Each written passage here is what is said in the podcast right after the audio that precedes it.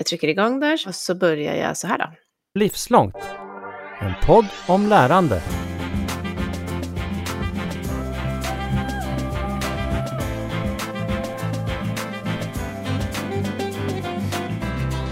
Minns du Max vad det första du lärde dig var när det kommer till musik? Vilken bra fråga. Alltså, jag minns att jag med jättestora ögon satt och kollade på organisten hemma i, i bykyrkan i Hällaryd i Blekinge. Eh, och jag tyckte hon var så stilig. Och sen så gick jag hem och byggde ihop en egen orgel av gamla papplådor och klippte till pappersbitar som skulle vara tangenter. Och så satt jag där och spelade kyrkorgel hela julen sen. wow, Ja. ja, det sägs att jag sjöng Hallelujakören från Händes Messias när jag var två. Jag vet inte om det är en skröna, jag minns det förstås inte då. Jag har massa andra minnen. Jag har inte byggt någon orgel. Hallelujakören har jag stått i eh, och, och varit en av dem som... Det finns en generalpaus i den. Eh, där man absolut inte får lov att, att ropa ha, halleluja.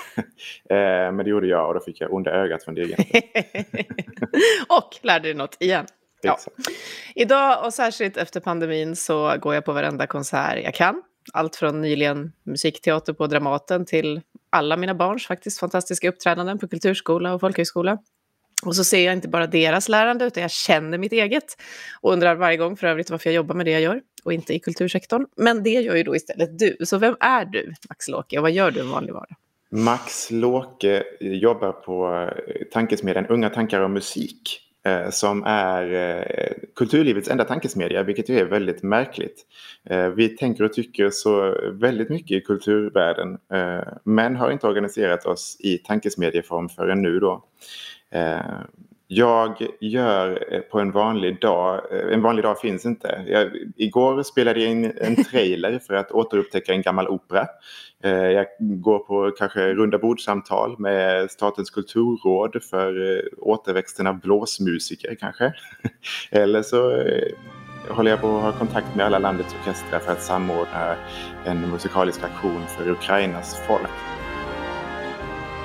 Ni gick snabbt ihop när kriget och krisen kom ja, och bestämde dig för att göra någonting. Ja, men precis.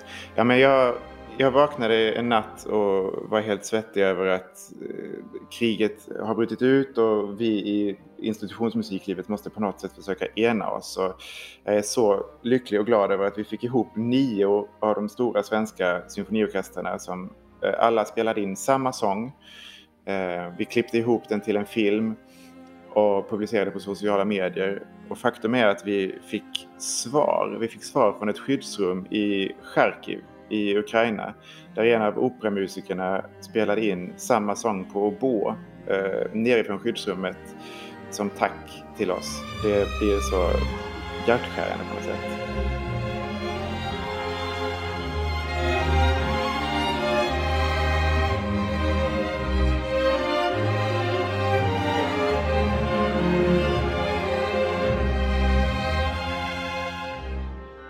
Eftersom vi nu pratar i podden livslångt, eh, på vilket sätt skulle du säga att områdena musik och kultur i den sfären och lärande är mest sammankopplande? Alltså hur är de viktiga för varandra? Ja men alltså de är ju eh, helt, eh, alltså helt symbiotiska. Eh, musik är ju på något sätt en konstant eh, outtömlig källa. Det finns alltid någonting att upptäcka och alltid någonting att lära sig. Eh, och jag i min roll där vi då ju jobbar med alla genrer, alla professioner i musiklivet eh, så går det inte en enda dag utan att jag känner, aha, är det så här det funkar? är det verkligen sant? Eh, och det, det, är ju det är underbart och fantastiskt eh, att, att få vara i en, i en, i en sfär där ja, men kunskapen och, och, och källan är så djup. Men det finns alltid någonting nytt att, att hitta och lära sig. Just det, det kan inte ta slut. Det finns inget, nu är du färdig, check i den boxen. Nej, det vore ju förfärligt om det var så. Men det, den lyckan har vi att slippa. Mm, ja, det är väldigt få idag som, som har den, om det nu är mm, en olycka eller lycka. Hur, har, hur blev det musik för dig? Hur, hur sen den där orgen, hur, hur blev det lärande inom musik så till den grad att du idag då är med och driver den här tankesmedjan? Ja, alltså det var en ganska så snirklig bana. Eh, jag gick ju kulturskola när jag var liten. Musikskolan i Karlshamn, spelade klarinett. Och eh, fortsatte sen in i militärmusiken eh, efter att ha tagit en sväng in i kockvärlden. Jag lagade mat ett tag. Ehm, men sen så militärmusiken då, två, eh, en, en, en säsong där med, med massor med, med, konserter. Det var en fantastisk upplevelse. Vi gjorde 120 spelningar över den sommarsäsongen. Det var en, verkligen ett, ett koncentrerat lärande av, av eh, att gigga, liksom. att göra konserter och att, att leverera. Och sen så gick jag två folkhögskola som också är en lärandeform som ju är helt magisk. Man får låsa in sig i en i en skyddad verkstad tillsammans med andra likasinnade. Jag var där i två år i Helsingborg på Sundsgården. Um, och sen så sökte jag musikhögskolor och kom in eh, lite överallt. Och så blev det Stockholm till slut. Uh, där jag då gjorde min kandidatutbildning. Men så insåg jag där någonstans mitt i att, att jag har starkare byråkratiska skills än jag har konstnärliga. Eh, så då ramlade jag in på den Kungliga Musikaliska Akademin som är moderorganisation för Unga tankar och musik. Och så fick jag efter ett tag uppdraget att, att starta upp den här tankesmedjan då. Jag har ju själv då eh, en dotter som jag nämnde i den där bubblan, folkhögskolebubblan. Och jag tänker att när vi pratar om kultur och konstnärlighet så kanske en del inte direkt kopplar till akademi. Man tänker det är en talang, den växer och frodas, den slår igenom och sådär. Eh, hur, hur viktigt är det att det finns med? Att eh, liksom en akademisk koppling till musik, behövs den och ja, vad har den för roll? Ja, alltså akademin är ju intressant i musiklivet för den har ju tillskansat sig större och större del av eh, genrerna eller, eller de musikaliska uttrycken. Från början så var ju musik eh, som definition handlade ju bara om en, en genre skulle man kunna säga. Den, den klassiska västerländska musiken. Eh, och så var det i flera hundra år. Eh, men det har ju alltid funnits annan musik. Det har alltid funnits musik som har eh, grott ute i, i bygden eh, på olika sätt. Men allt som åren har gått så, så har de musikaliska genrerna letat sig in i akademin på högskolorna. Eh, folkmusiken har tagit plats och jazzen har tagit plats och poppen och rocken har tagit plats. Studiomusikerutbildningar finns på musikhögskolor och man har startat en musik och mediaproduktionsutbildning på, på Musikhögskolan i Stockholm och det finns, det startar liksom upp eh, utbildningar på akademisk nivå i olika genrer på de olika musikhögskolorna. Eh, och det sätter ju sin prägel såklart på, på utövandet och på det faktum att det finns en, en utbildad akademisk profession eller professionalitet i eh, fler genrer än bara den klassiska musiken. Eh, ja, men det händer spännande saker med, med musiklivet då.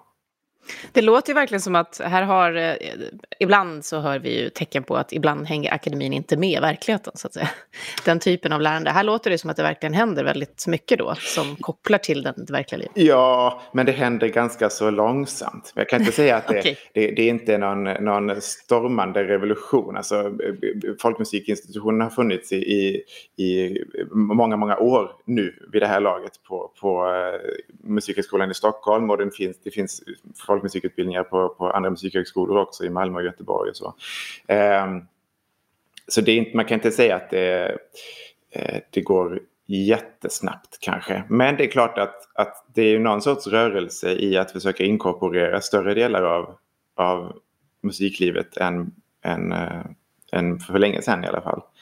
Mm. Ähm, men det är också frågan om, om alla genrer verkligen gynnas av att vara i det akademiska systemet det, det, kan hända att, att det finns musik som blir bättre av att inte malas igenom ett, ett eh, högskolesystem, vad vet jag. Mm, det var lite det jag undrade förut, om det finns liksom en både symbios men också någon slags, eh, något som repellerar lite grann så.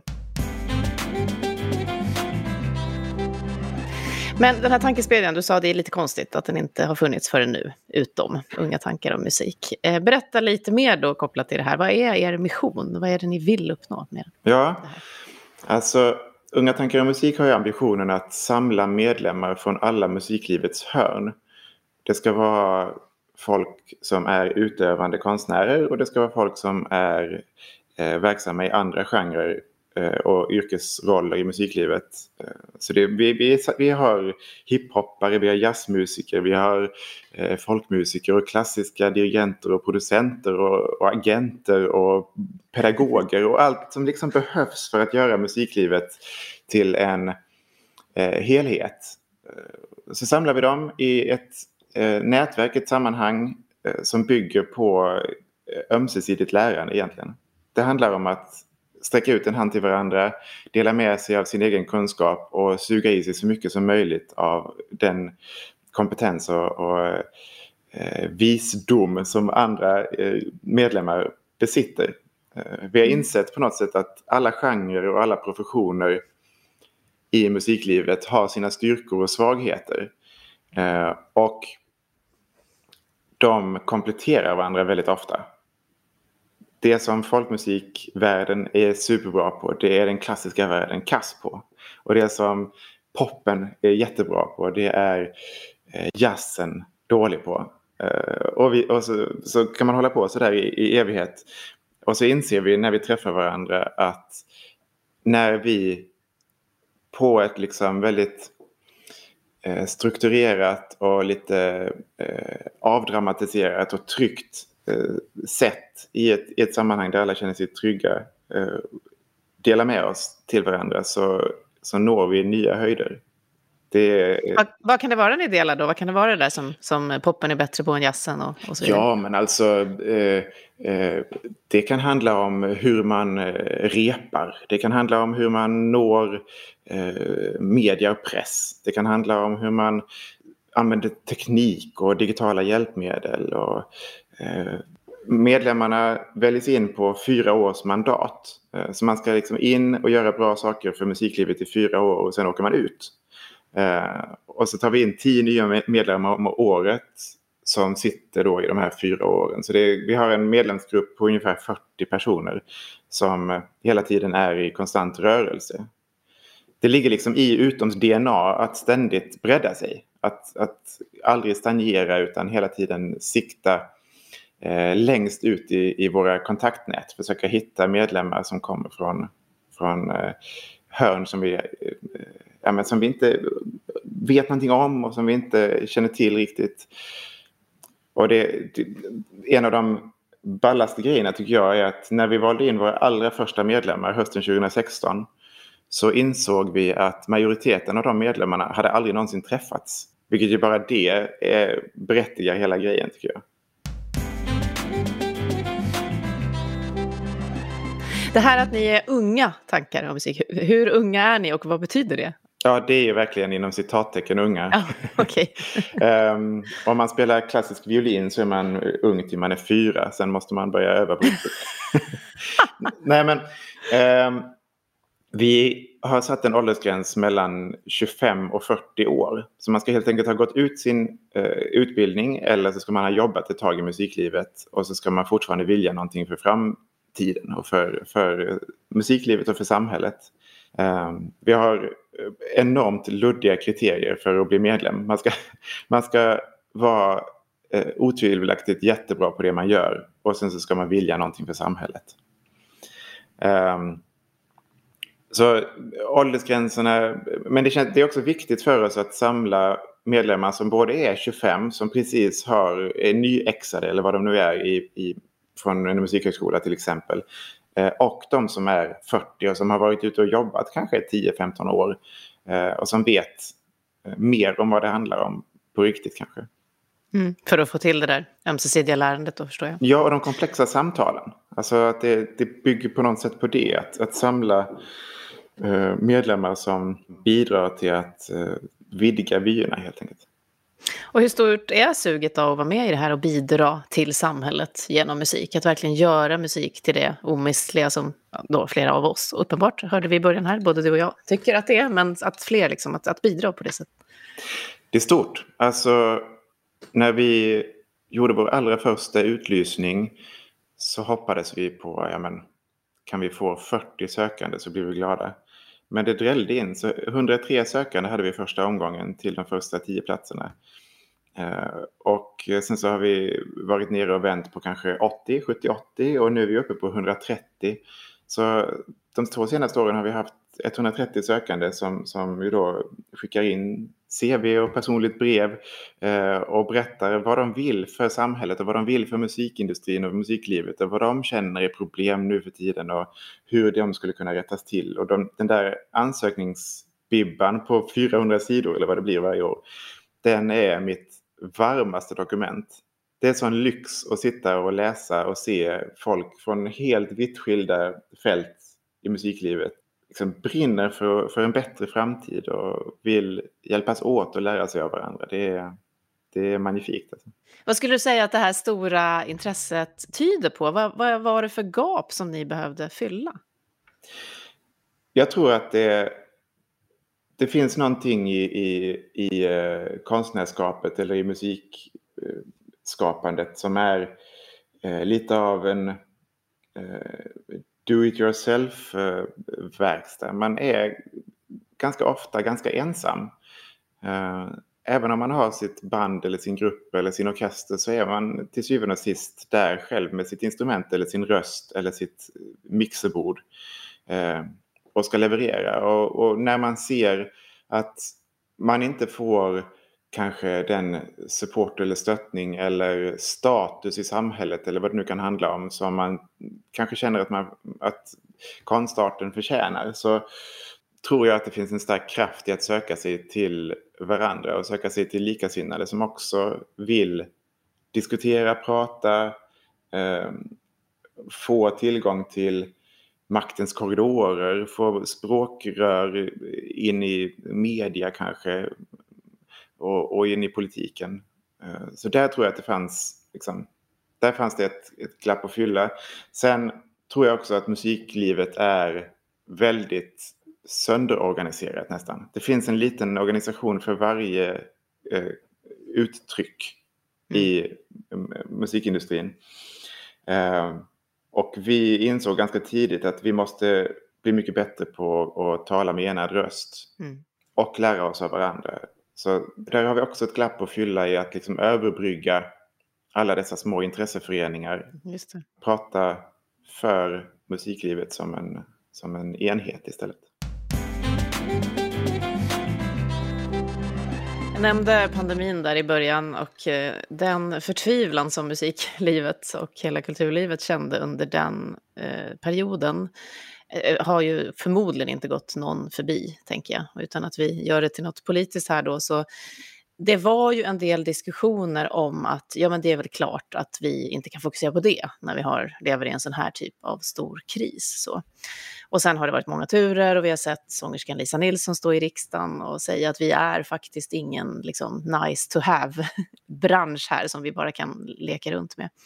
Vad skulle du säga att du och ni har lärt er allra mest under den här tiden? Ja, men alltså pandemin var märklig. Det var det allra första som, som eh, drabbade oss, tror jag, det var någon form av eh, andas ut. Att landa och liksom få eh, någon sorts lugn och perspektiv på tillvaron. Mm. Som jag upplever att många kände.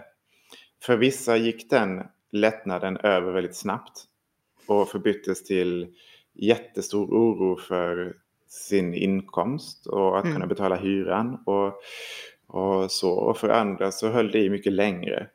Att man liksom, jag, jag såg våra medlemmar eh, utan stress i ögonen och utan påsar eh, liksom, under ögonen och rödsprängda ögon. Sådär, för första gången.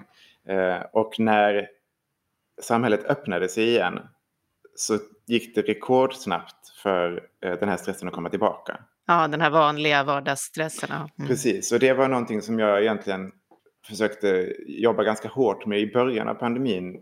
Eh, att, att skapa en känsla av att okej, okay, men nu är alla bollar uppkastade i luften. Hur vill vi att de ska eh, ligga när de landar?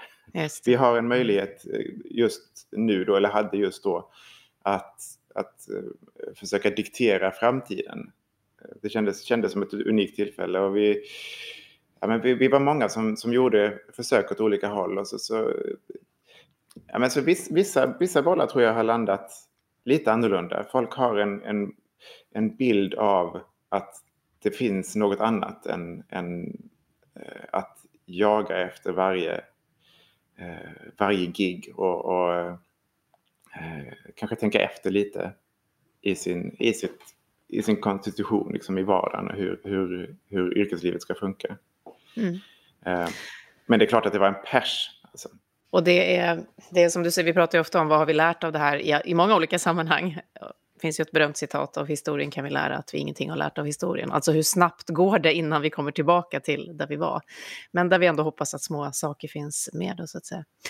Vad fick du syn på, apropå det här vad som är viktigast? Självklart hade vi en vård som gick på knäna och den var tvungen att prioriteras och så. Men den här platsen i människors liv, det ni bidrar med i ett samhälle men också i andras liv. Vad fick ni syn på där? Ja, alltså ingenting skapar ju kreativitet som en kris. Och det faktum att varenda konsertinstitution och varenda musiker i princip eh, fick bli sin egen tv-kanal eh, och börja sända ut sin konst digitalt och att den faktiskt sågs av människor eh, att till och med en hel del kunde ta betalt för biljetterna till att sitta hemma och kolla på en skärm. Det tycker jag visar på att det är något helt essentiellt. Det går liksom inte att skilja vardagen från kulturen.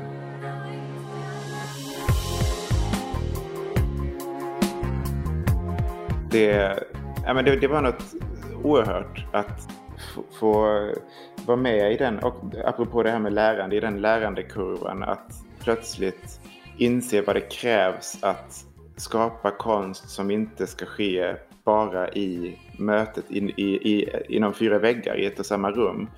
Um, det var en väldigt intressant process just det där att, att försöka förstå att den videoutsändning eller den digitala stream mm. som skulle göras av en föreställning måste också på ett sätt bli ett konstverk. Eh, för att kunna matcha de som står på scen. Det var inte alla som förstod. Det tog ganska lång tid för, för vissa att förstå att det, inte, det handlar inte bara om att ställa upp en kamera utan det måste bli en vacker produktion även av det. Apropå digitalisering då, så eh, nämnde du det här under pandemin, att det blev en, en, slags utveckling där. Det talas ju om digitala kliv. Vi har tidigare träffats i ett sammanhang, Digital idag hette det, som en slags folkrörelse, folkbildning kring digitalisering. Under pandemin då så spelade ni in eh, ett eh, stycke till det här Digital idag, som ni gjorde på ett väldigt speciellt sätt, apropå då att skapa vacker digital konst. Kan du bara säga några ord om vad det här är för något? Ja, det är en sång som heter A Moment That Matters som en av Unga Tankar om Musiks medlemmar som heter Christian Tillin eh, byggde ihop. Eh, vi höll på att experimentera med hur kan eh, våra medlemmar musicera med varandra trots att vi inte får mötas. Och då fick alla, alla medlemmar i, i uppdrag att spela in varsin litet bidrag till en, en, digital komposition som sattes samman sen av, av Christian. Man kunde välja mellan att spela in ett vokalt spår eller ett rytmiskt spår eller ett, ett eh, instrumentalt spår. Och sen så gjorde han helt enkelt kompositionen som vi specialdesignade för, för Digital idag. Någonting spelades in baklänges. Ja, just det. Nu var det några år sedan, jag minns knappt hur det gick till. ja, nej, nej. Ja, spännande.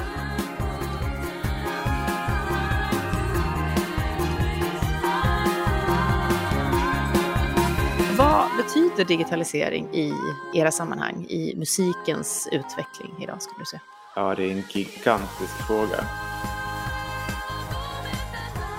Det, är, det handlar om upphovsrätt, det handlar om synlighet, det handlar om marknad och PR, det handlar om så enormt mycket. Inspelning, streamingkulturen. Eh, alltså det, det går egentligen inte riktigt att överskåda vilken betydelse digitaliseringen har haft för hela musikindustrin. Man har gått från liksom, eh, livekonsert till LP, till CD, till minidisk, till eh, MP3, till... Minidisk, den glömde jag. Ja, eller hur? Precis. Det finns säkert många steg däremellan. Kassettband glömde jag.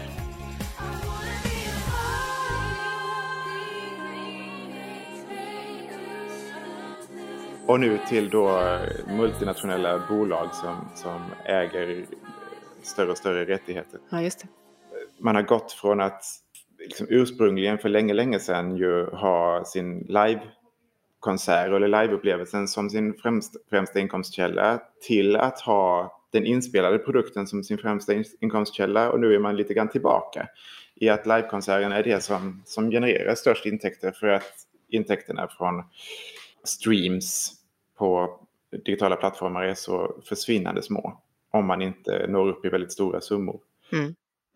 Jag tänker också, kan det betyda någonting för själva vad ska jag säga, kompositionen av musik? Jag är till exempel då uppväxt med enorma mängder klassisk musik. Och bara blev minsta atonalt så gick det bort. så. Romantiken och klassicism och så. Men att förnya då hela området musik, och kanske särskilt klassisk, men annan nu, vad har digitaliseringen betytt där? Massor. Alltså, eh, även där att gå från analoga rullband till eh, eh, sin egen laptop med, med programvara för att spela in är ju en revolution. Alla kan ha sin studio hemma. Eh, och det är ju en jättestor demokratiseringsprocess. Alltså vem som helst har tillgång till eh, att skapa musik.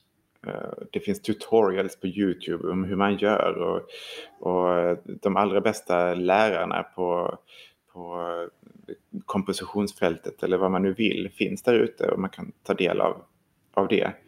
Men också, det, det finns en intressant parallell. Vi, Unga Tänkare Musik åker, åker, runt fyra gånger om året till olika ställen i Sverige för två dagars internat där medlemmarna ska lära sig och ha, ha, plats för allt det man inte hinner när det är konsertproduktion eller festival eller vad man nu håller på med.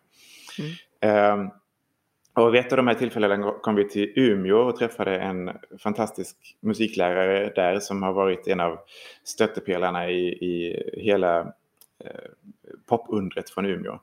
Mm. Eh, och, och fostrat band i, i massor av år. Men han har, har sett en tendens nu att färre och färre unga spelar i band. Man vill inte spela mm. tillsammans. Eh, vilket ju är lite skräckinjagande för oss som är fostrade i den gamla hederliga eh, spela tillsammans-kulturen. Eh, för han, de sitter hemma och producerar? Ja, de sitter hemma och producerar. De vill vara soloartister. De är vana vid att ha ett backtrack som låter perfekt redan från början. Uh, och det har ju verkligen med det digitala att göra. Han, var också, han hade också sett att de låtar som barnen och ungdomarna önskade sig att spela blev i allt större utsträckning låtar som inte riktigt går att planka, som inte riktigt går att skriva ner på noter eller skriva ackord till. Eh, för att det finns inte en chans att man kan få det att låta som originalet. Mm. För att det är så digitalt producerat. Och det var han också lite, lite sorgsam över. Att, att det, det, är svårt att, att um, sätta samman ensembler som får det att låta i närheten av originalet. Och också såg han att, att färre och färre överhuvudtaget vill stå på scen och, och framträda. Mm. För att man blir inspelad och publicerad i sociala medier på fläcken. Liksom. Och så mm. blir man dömd utifrån sin första falska Céline Dion man sjöng. och den finns alltid kvar, för ja, någon har sparat ner den. Precis, ja. precis. Och det är, ja, ja, men det är en ny och ständigt föränderlig värld som våra ungdomar möter och mm. växer upp i. Det är lite intressant, vi pratar ju ofta om kompetensförsörjning och kompetensutveckling här på olika sätt. Och jag har en kompis som är professionell musiker och som säger att kollegorna där är inte alltid jättesugna på vidareutveckling. Det här är då också klassiska sammanhang, utan fortsätter gärna på det de redan kan. Ni driver ju utveckling. Vilka är dina erfarenheter? Vill musiker liksom lära hela livet? Eller är de klara någon gång? Ja, människan vill lära hela livet. Ja, det vill de. Um... Ja, det är min starka eh, uppfattning att musiker är ja, men kanske ibland lite eh, svältfödda på ömsesidigt utbyte och, och, lärande. Särskilt när det kommer till att se bortom sina egna horisonter och, och ta in andra genrer eller andra konstnärliga uttryck. Och det är ju en sån jättelyx att få vara i ett, ett sammanhang med just unga tankar om musik. Att, att eh, kunna bjuda på en plattform och ett sammanhang där det går ut på just precis det. Mm. Att, att inse att den som sitter bredvid mig kanske faktiskt har rätt. eh, mot alla odds. Eh, och att eh, i konstruktionen så går det liksom ut på att eh, släppa sina eg sin, sin egen gard lite grann. Och försöka ta in den kunskap som, som andra besitter och, och erbjuder och delar med sig av och så. Låter som att många skulle kunna gå och praktisera hos er i det, tänker jag, i många olika sektorer och eh, sammanhang. Ja, men det gäller att locka fram det på något sätt. Att skapa en, en miljö som känns safe och, och trygg och där man liksom vågar räcka upp handen och säga men du jag fattar inte vad den här förkortningen betyder eller mm. eh, varför måste man bjuda Bosse på pizza för att få sina låtar spelade på P3 eller liksom, eh, hur många organisationer finns det egentligen för komponister och tonsättare eller eh, ja, hur mycket tjänar man i den genren och hur mycket tjänar man i den genren. Och, mm. Ja, det, det, det finns så mycket att liksom upptäcka som jag tror gör oss klokare på sikt. Låter som ni satsar mycket på den som den du pratar så mycket om också, psykologiska tryggheten. Du, till sist då, Max. Eh, förr så kunde ju kompositörer, alltså way back in the time, vara anställda, vara hovleverantörer kan man väl till viss del kanske nu med, i alla fall som eh, utövare. Nu är det kanske aningen färre i alla fall. Vad spår du för framtid för unga som vill satsa på musik och på att använda den för att bidra till samhället som är ny? Jag tror att framtiden är, är ljus. Det finns ju, som vi var inne på, fler möjligheter än någonsin att, att utöva musik, att producera och komponera musik. Eh, också att lyssna på musik Eh, till vardagen. Det finns ju inga hinder för att hela dygnet gå och lyssna på musik. Och det måste ju innebära att det finns också större eh, yta för musiken att eh, fylla. Större, större tidsram som, som vi då som, som pysslar med musik på olika sätt ska eh, fylla med innehåll. Um, det finns också en, en klok person sa till mig apropå, angående klassisk musik, om man nu ska snöa in lite grann på det, så, så eh, växer det upp en generation nu som nästan inte har någon förkunskap alls om det klassiska fältet. Deras föräldrar har inte ens berättat för dem att det är tråkigt. det bara finns inte. Nej, precis. Och det är ett ganska bra utgångsläge. För när, man då presenterar en symfoniorkester eller de här klangerna för den generationen så tänker jag att det finns stor potential för att det mest är så här, okej, okay, fett sound. Vad kan man göra med det? Och att det växer nyfikenhet ur det faktum att man kanske inte ens har några förutfattade meningar. Underbart. Uh, vi ska inte missa det du var inne på lite förut, att tillväxten då inom det här, blåsmusiker har, tror jag kanske nått en del, att det, det, är inte så många som väljer det idag bland de här barnen. De har inte upptäckt det där feta soundet som blåsmusiken bidrar till. Eh, vad, vad, kan ni göra för att fler ska göra det? Ja, men alltså vi håller på och försöker stimulera till massor med, med pilotinsatser. Eh, det finns ett nätverk för professionell blåsmusik i, i Sverige som samlar alla, alla landets blåsorkestrar Eh, på professionell nivå som, som bland annat har tillsammans med Musikaliska akademin eh, startat upp blåsmusikpriset. Och vi håller på att hitta olika sätt att verkligen eh, få fram role models som är, som är fortfarande unga som precis kanske har gått ut musikhögskolan som, som skulle kunna ut och, och ge barn och ungdomar injektion. För det handlar på något sätt om att tända gnistan hos barnen eh, och sen så hålla den vid liv, hålla den där gnistan igång genom alla eh, hemska eh, tonårsår och högstadieår. Och att man liksom eh, hänger i med att bära den där pinsamma saxofonväskan eh, till och från skolan och, och så. Men också att man då ju ger kulturskolan möjlighet att verka under skoltid till exempel och sånt som, som nu är också stora eh, debatter om och jag vet att myndigheter eh, till och med ålägger kommuner vite eh, om, om man bryter skoldagen med kulturskoleundervisning. Och det får ju inte bara ske. Alltså det, det, det känns ju helt essentiellt att vi har, kan ha kulturskollärare som får jobba på dagtid och att, att elever får, får eh, ta del av sin skoldag för att gå och spela instrument. Mm.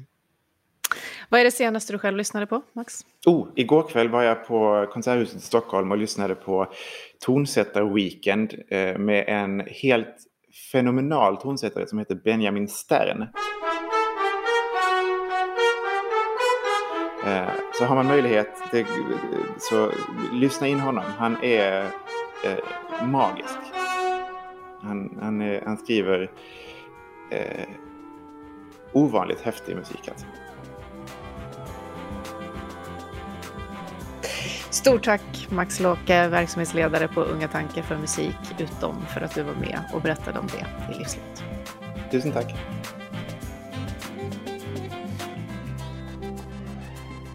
Har just hört Livslångt, en podd från RISE om allt det där man lär sig i livet. Vi hörs om en vecka igen.